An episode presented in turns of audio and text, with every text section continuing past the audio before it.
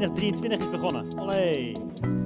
Ik ben niet zo van eh, het nieuwjaar wensen tot in eeuwigheid, zeg maar. Dus ik heb het nu net gedaan en dan is het klaar ook. Dus als je me straks tegenkomt, ik wil best knuffelen of zoenen, maar dan geen gelukkig nieuwjaar.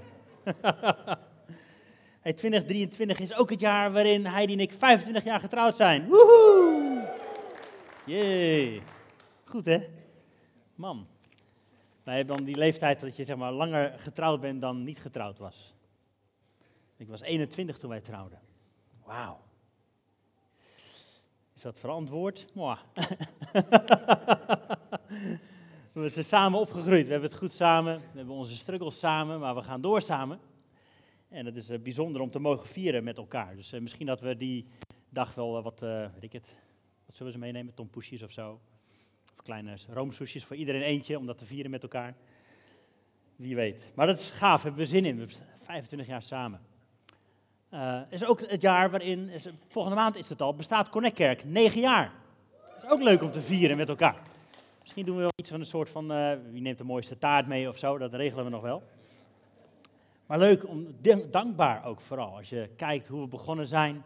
Een heel klein clubje mensen met een vaag idee. En dat het uitgroeit tot een club mensen die van elkaar houdt, die naar elkaar omziet, die betrokken is bij deze wereld. Ja, super dankbaar hoe, dat, uh, hoe God dat geleid en gevormd heeft. En we zien uit naar wat onze volgende stap is. Misschien weet je wel dat we ook nog op zoek zijn naar een nieuw gebouw. Uh, dus 2023 wordt ook het jaar dat we weer gaan verhuizen. Het werd alweer een keertje tijd. Ik zit hier alweer bijna, nou ja, toen de pandemie begon, zijn we hier begonnen. we dachten, oh, een beetje meer ruimte. En nu merken we, hé, hey, eigenlijk hebben we wat meer plek nodig. Uh, sowieso voor de kinderen, maar ook voor onszelf, voor koffie, voor alles is het lekker als we een klein beetje meer ruimte krijgen. Dus we zijn al bezig met lijntjes leggen, contacten leggen met andere locaties. Als je nog een goed idee hebt, schiet mij eventjes aan.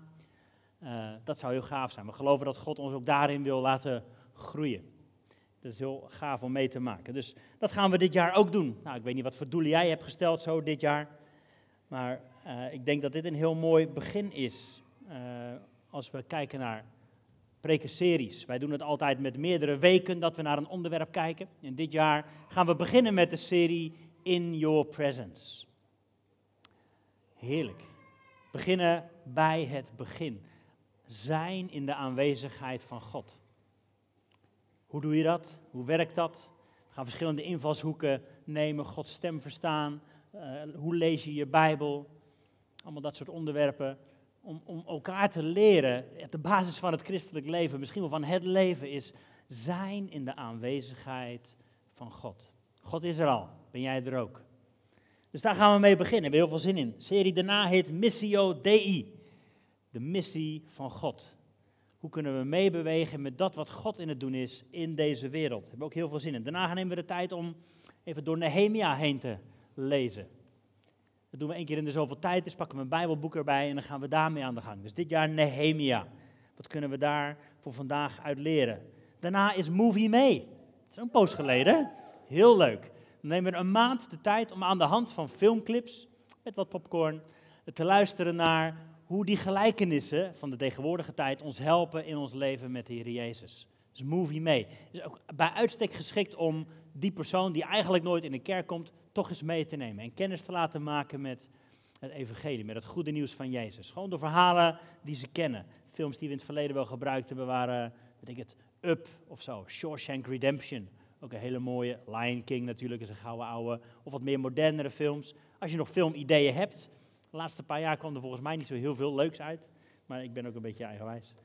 Ik vind Lord of the Rings nog steeds heel mooi. Maar ik weet niet of ik dat hier kan laten zien. Eigenlijk. Jij vindt van wel, hè? Lord of the Rings. Ja, ja, ja. En dan allemaal verkleed komen, weet je wel. Hey, daarna, na Movie mee gaan we aan de gang met gezonde gemeente. Een gezond lichaam, een gezonde ziel, een gezonde geest, gezonde relaties. Super gaaf. En daarna is het alweer zomer. De zalige zomer. Gaan we door de zaligsprekingen heen. Nou, dat is een beetje een layout van dit jaar.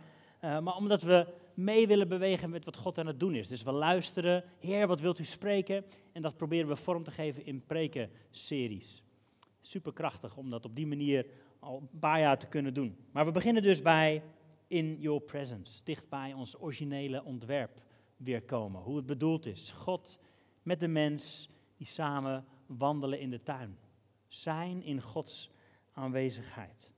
Of, ik noemde dat vanochtend bij de voorbeden al eventjes, hoe de, hoe de duif rust op Jezus. Hoe Gods aanwezigheid rust op het leven van Jezus. Zich, zich daar blijkbaar comfortabel voelt. Hoe kunnen wij zo'n plek creëren in ons leven met God, dat Gods aanwezigheid op ons kan rusten? Ik wil graag beginnen, deze preek, met samen het volgende hardop te lezen. Dus ga even staan, dan spreek je veel mooier. Misschien kunnen we dat samen lezen. Zullen we het tegelijk doen? Eén ding heb ik de Heer gevraagd. Dit is wat ik zoek. Te verblijven in het huis van de Heer al de dagen van mijn leven. Om de schoonheid van de Heer te aanschouwen en Hem te zoeken in Zijn tempel. Heer, ik zoek U met heel mijn hart, met heel mijn ziel, met heel mijn verstand en met al mijn kracht. Wees mij genadig. Naar wie anders zullen wij gaan? U hebt woorden van eeuwig leven. En wij hebben geloofd en erkend dat U de Christus bent, de Zoon van de levende God. Eer zij U, Heer Jezus Christus, Koning van eeuwige heerlijkheid. Amen. Ga lekker zitten. Eén ding heb ik de Heer gevraagd. Hmm. in spreuken staat dat uh, dood en leven in de macht van de tong zijn. Misschien je dat wel. Nou, vandaag wil ik met mijn woorden de dood verklaren aan leugens. Leugens die jou en mij zo kunnen beheersen, zonder dat we het misschien zelf doorhebben. Maar vandaag, en ik leerde dat pas uit een boek van Kees van Ekeris, een dik boek over preken. Hij zei, preken is ook geestelijke strijd voeren. En de Bijbel zegt dat we hebben niet te strijden tegen vlees en bloed, maar tegen wereldheersers. Maar die ook in ons denken kunnen zitten.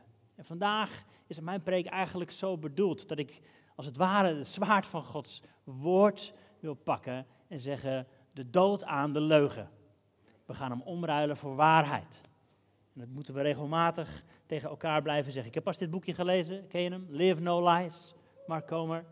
Erg goed erg goed. Ook als je niet zo heel goed bent in Engels, is het erg goed te lezen. Live no lies. Leef geen leugen. En hij gaat daarin onder andere in op die, nou laten we het even noemen, de onheilige drie-eenheid van de duivel, ons vlees en de wereld. Daar hebben we tegen te strijden. Niet tegen vlees en bloed, maar tegen de duivel, ons vlees, onze oude gedachten, onze oude mens en de wereld.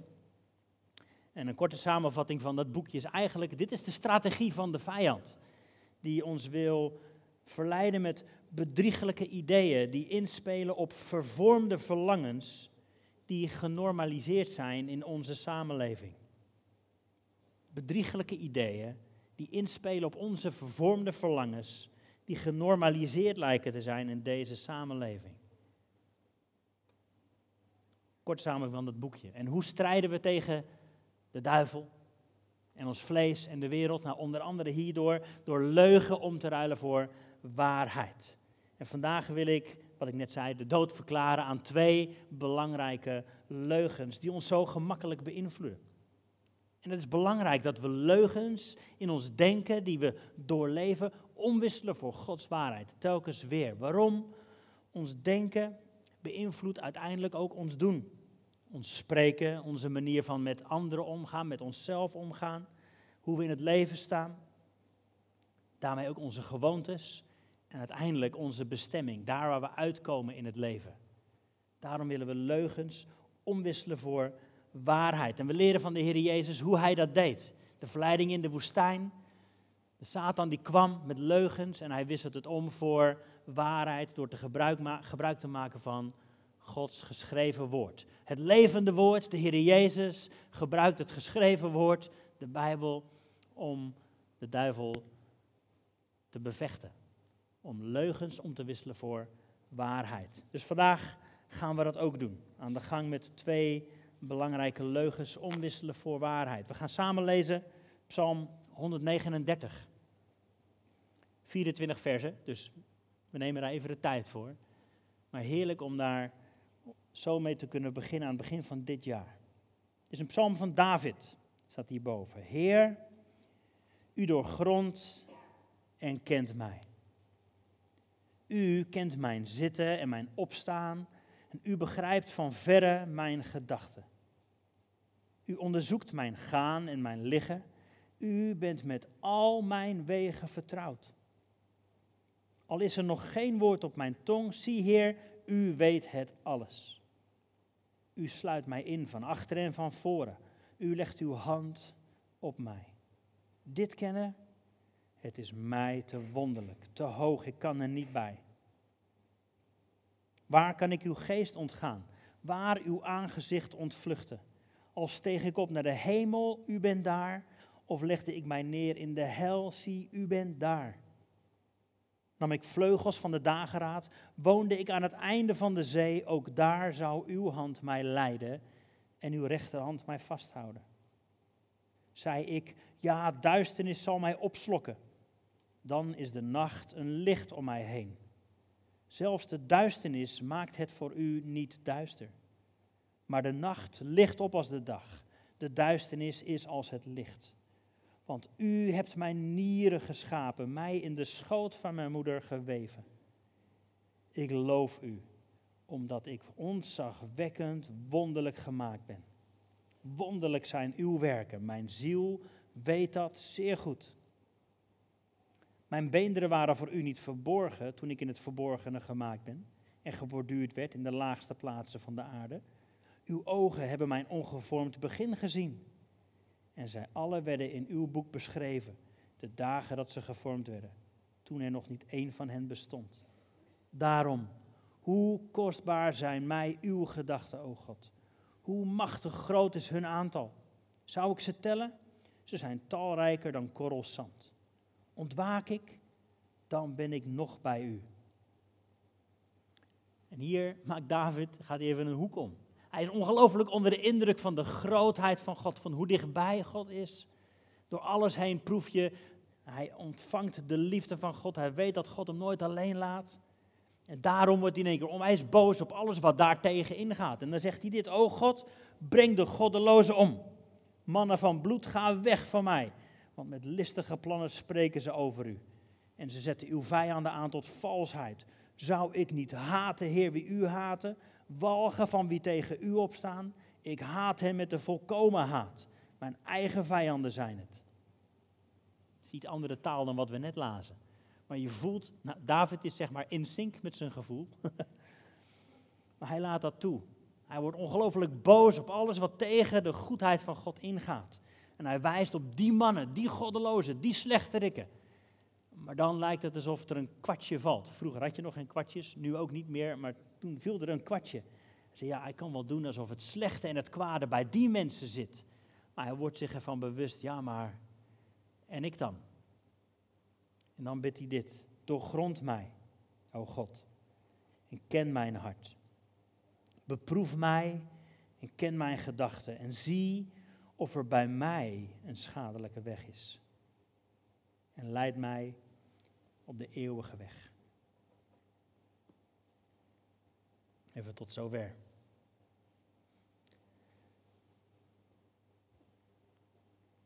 Uh, afgelopen een paar dagen geleden. Toen uh, was ik me aan het voorbereiden op vanochtend en toen bad ik. En ik was niet heel specifiek, jammer genoeg, maar ik bad tot God. Zei, Heer, wilt u mij de juiste woorden geven? Wat kan ik gebruiken in mijn preekzondag? Ik heb, ik heb dit ongeveer op mijn hart waarvan ik denk dat u het wilt zeggen, maar welke woorden mag ik gebruiken? En toen, midden in de nacht, kreeg ik een droom en daarna een paar uur wakker gelegen. Dus volgende keer ga ik bidden, wilt u het mij laten zien tijdens een kopje koffie? en niet mijn nachtrust verstoren. Anyway, ik kreeg een droom. En um, ik was aan het zwemmen, alleen in een heel groot open water. En ik zag in de verte echt een joekel van een vis aankomen. Zo'n soort van Jona-vis, weet je. Zo'n grote vis. En ik wist, die komt mij opeten. Dat weet je, in zulke dingen weet je in je droom. En die kwam inderdaad naar me toe. En er was een gevecht en ik was daar alleen. En dat beest kwam naar me toe en ik werd bang en angstig. En, en toen werd ik wakker. En ik moest meteen denken aan de wat ouderen onder ons kennen die film nog wel van vroeger, Jaws. Ken je die film? Als je hem nu terugziet, denk je, jemig, wat een slechte special effects. Maar toen, toen ik een jongetje van een jaar of acht, negen, tien was, was het een levensechte film over een witte haai. Zo'n mensenetende haai die naar je toe kwam en dwars overal doorheen beukte om mensen op te eten. En die heb ik toen gekeken als klein jongetje en daar ben ik echt jarenlang heel bang van geweest. Van die film. Zelfs in het zwembad. Ik dacht, ja, dat beest, dat kan gewoon door de vloer heen, hè. En die komt mij dan opzoeken. Jarenlang. Zwemmen in de zee. Naast kwallen was een witte mensenhaai toch ook heel eng. Jarenlang een, angst. Maar daar moest ik aan terugdenken. En in één keer legde ik de link in en ik zag mezelf weer in die droom ook. En het gevoel erbij was, ik ben alleen. Ik sta er eigenlijk gewoon alleen voor.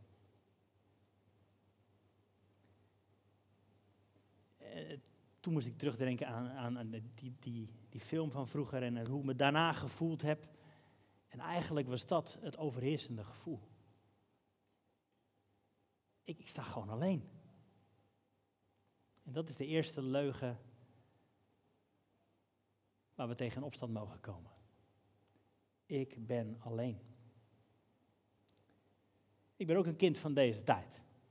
En naast die droom van vroeger, en, en, of die droom van pas in die film van vroeger, en dat weten dat je alleen bent, deze tijd voedt dat onwijs natuurlijk. Dit is de tijd waarin je jezelf moet leren kennen. Waarin je jezelf mag tegenkomen. Waarin je ook jezelf mag definiëren. Waarin je je eigen dromen mag najagen. Waarin je je eigen pad moet uitstippelen, je eigen keuzes maken, zelfbeschikking, zelfontplooiing. En er zitten hele mooie dingen in. Maar het ongelofelijke gevaar wat daar ook in zit, is uiteindelijk ben jij dus zelf verantwoordelijk. Dus ook als het een keer goed misgaat, jij bent erop aan te kijken. En uiteindelijk ben je zelf in je uppie alleen. En dat is de leugen van deze tijd. Dat jij uiteindelijk alleen bent. Dat ik in een grote wereld, grote oceaan aan het zwemmen ben en ik word opgevreten, want ik ben alleen, ik ben weerloos, ik kan me niet verdedigen. En dat is een leugen. Dat is een leugen. Als er iets is wat we leren uit deze psalm, is het: ik ben nooit, nooit alleen. En dat is ook geestelijke strijd. Die leugen herkennen in je eigen leven, dat gevoel erkennen, onder ogen zien en zeggen: ik ruil hem om. Die leugen van uiteindelijk moet ik het alleen doen. Ruil ik om en ik leer zeggen: ik ben nooit alleen. Leugens die daar ook bij horen zijn dan dus, ja, uiteindelijk ben ik nooit goed genoeg. Nooit goed genoeg voor mezelf, voor anderen, maar zeker niet voor God. En waar deze psalm ook tegen ingaat is, als ik me van God afkeer, dan keert hij zich van mij af. Nee. David begreep het al. Hij zegt, al daal ik af naar de hel, u zoekt me op. U bent daar. De leugen die er ook bij hoort is, ik voel God niet. Dus of hij is er niet, of ik doe iets niet goed. Ik moet God snappen voor ik hem kan ervaren. Maar de bottom line is, we voelen ons alleen. Deze wereld is een wereld vol wezen. Die er alleen voor staan. Maar in deze psalm leren we, ik ben niet alleen. Ik las een verhaal op Facebook van een vriendin van ons uit Denemarken die na jarenlange strijd met kanker haar man is verloren. Ongelooflijk verdrietig, jonge gozer, mijn leeftijd. En die uh, is gestorven. En, en, ze kreeg de vraag, hey, wat helpt jou hier doorheen? En zonder erbij na te denken, zei ze het volgende. Ik, ik heb niet alle antwoorden, maar ik heb zijn aanwezigheid, de aanwezigheid van God. Ze beschrijft het als volgt. Gevolgd door een lange pauze en een bijna tastbaar ontzag voor het doordringen van deze diepe waarheid. Dit is het. Wat zo diep in mij lag en wat ik in de loop van de afgelopen 4,5 jaar wel duizend keer heb meegemaakt. Dit zijn woorden die alles zeggen. Niet omdat het iets verklaart, maar omdat ze een veel diepere waarheid weergeven en een veel diepere verlangen bevredigen. Het verlangen om veilig te zijn vastgehouden te worden, geleid te worden, getroost te worden. Zijn aanwezigheid maakt al het verschil.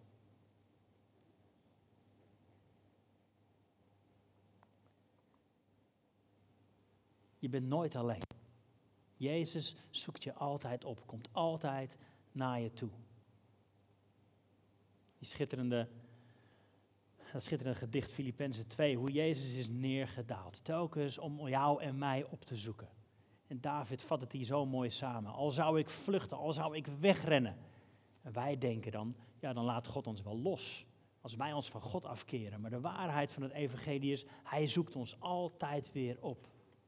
Hij zoekt ons altijd weer op. En deze gedachten, die leugen van ik ben alleen, die kunnen diep verankerd zitten. Herken ik in mijn leven ook zo. Door, door traumatische ervaringen, door dingen die anderen jou hebben aangedaan. Kan het zo in je systeem zitten, dat diepe oergevoel, ik ben alleen. Maar die leugen wisselen we om voor deze waarheid. God is altijd bij mij. Altijd. Dat is de eerste leugen waar we de dood aan mogen verklaren. En als we hem gaan herkennen in ons leven, dan willen we hem omruilen en uitspreken: nee, nee, nee, ik ben niet alleen. God is bij mij. Ook daar in die oceaan, ook als er vissen naar me toe komen, ik ben niet alleen. Hij is erbij. Dat is de eerste waarheid voor vandaag. Nummer twee, de leugen waar ik naar wil kijken is de volgende. Ik bepaal wat goed voor mij is. Beetje in het verlengde van wat ik net noemde. Zelfontplooiing, zelfbeschikking, jezelf leren kennen. Ik bepaal wat goed voor mij is. En ook dat, lieve vrienden, is een leugen. Ik zag een mooie quote van een oude kerkvader. Zonde is de onwil om erop te vertrouwen dat wat God voor mij wil, mijn diepste geluk is.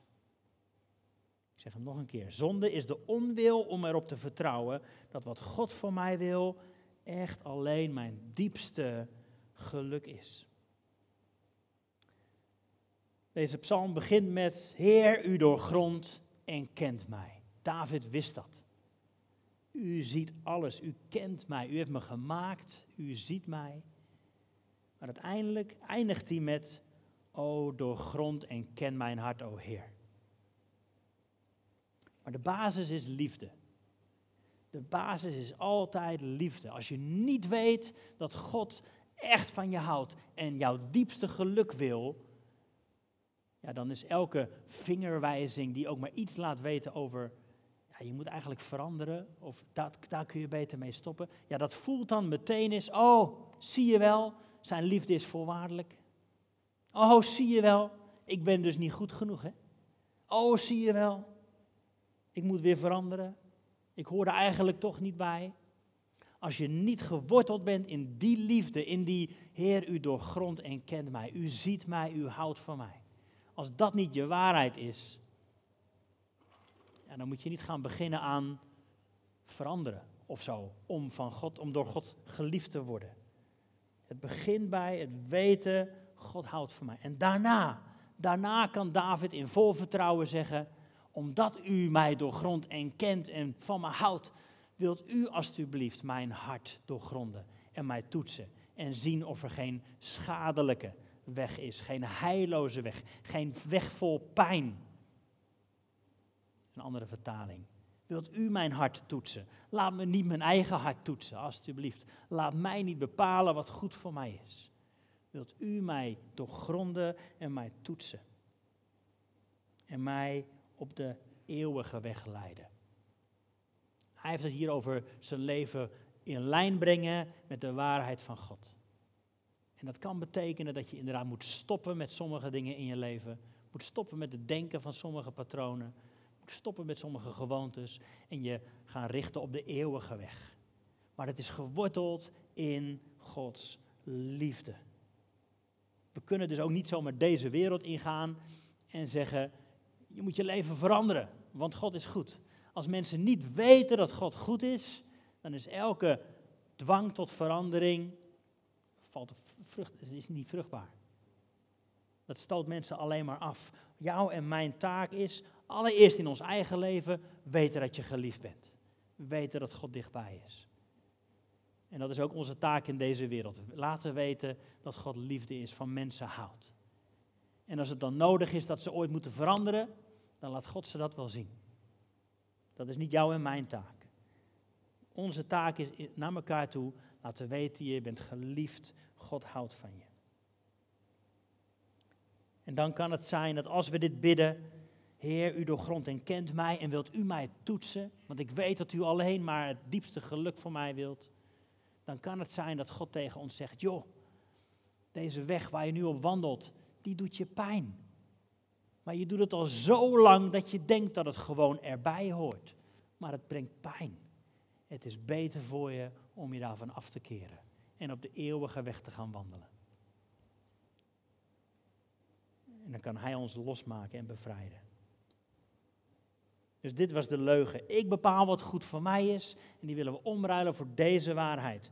Ik vertrouw God en ik weet dat Hij mijn diepste geluk wil. Los van zelfbeschikking, zelfontplooiing, weet ik het wat allemaal, vertrouwen we God erin dat Hij ons diepste geluk wil. Dat Hij ons wil leiden op de eeuwige weg. Wil je de volgende slide laten zien, alsjeblieft? Deze twee waarheden laten we hier op het scherm staan. Ik zal ze voorlezen. God is altijd bij mij. Dat is een waarheid die je mag gaan omarmen. God is altijd bij mij. Hij verlangt ernaar om bij mij te zijn. We gaan straks avondmaal vieren. En dan zegt Jezus dat ook tegen zijn discipelen. Ik heb er vurig naar verlangd om dit samen met jullie te doen. Hij verlangt ernaar om bij mij te zijn. Hij houdt van mij. Hij zoekt mij op, ook wanneer ik faal. Ook wanneer ik zijn aanwezigheid niet voel, of me van hem heb afgekeerd, of het allemaal niet zo goed meer weet.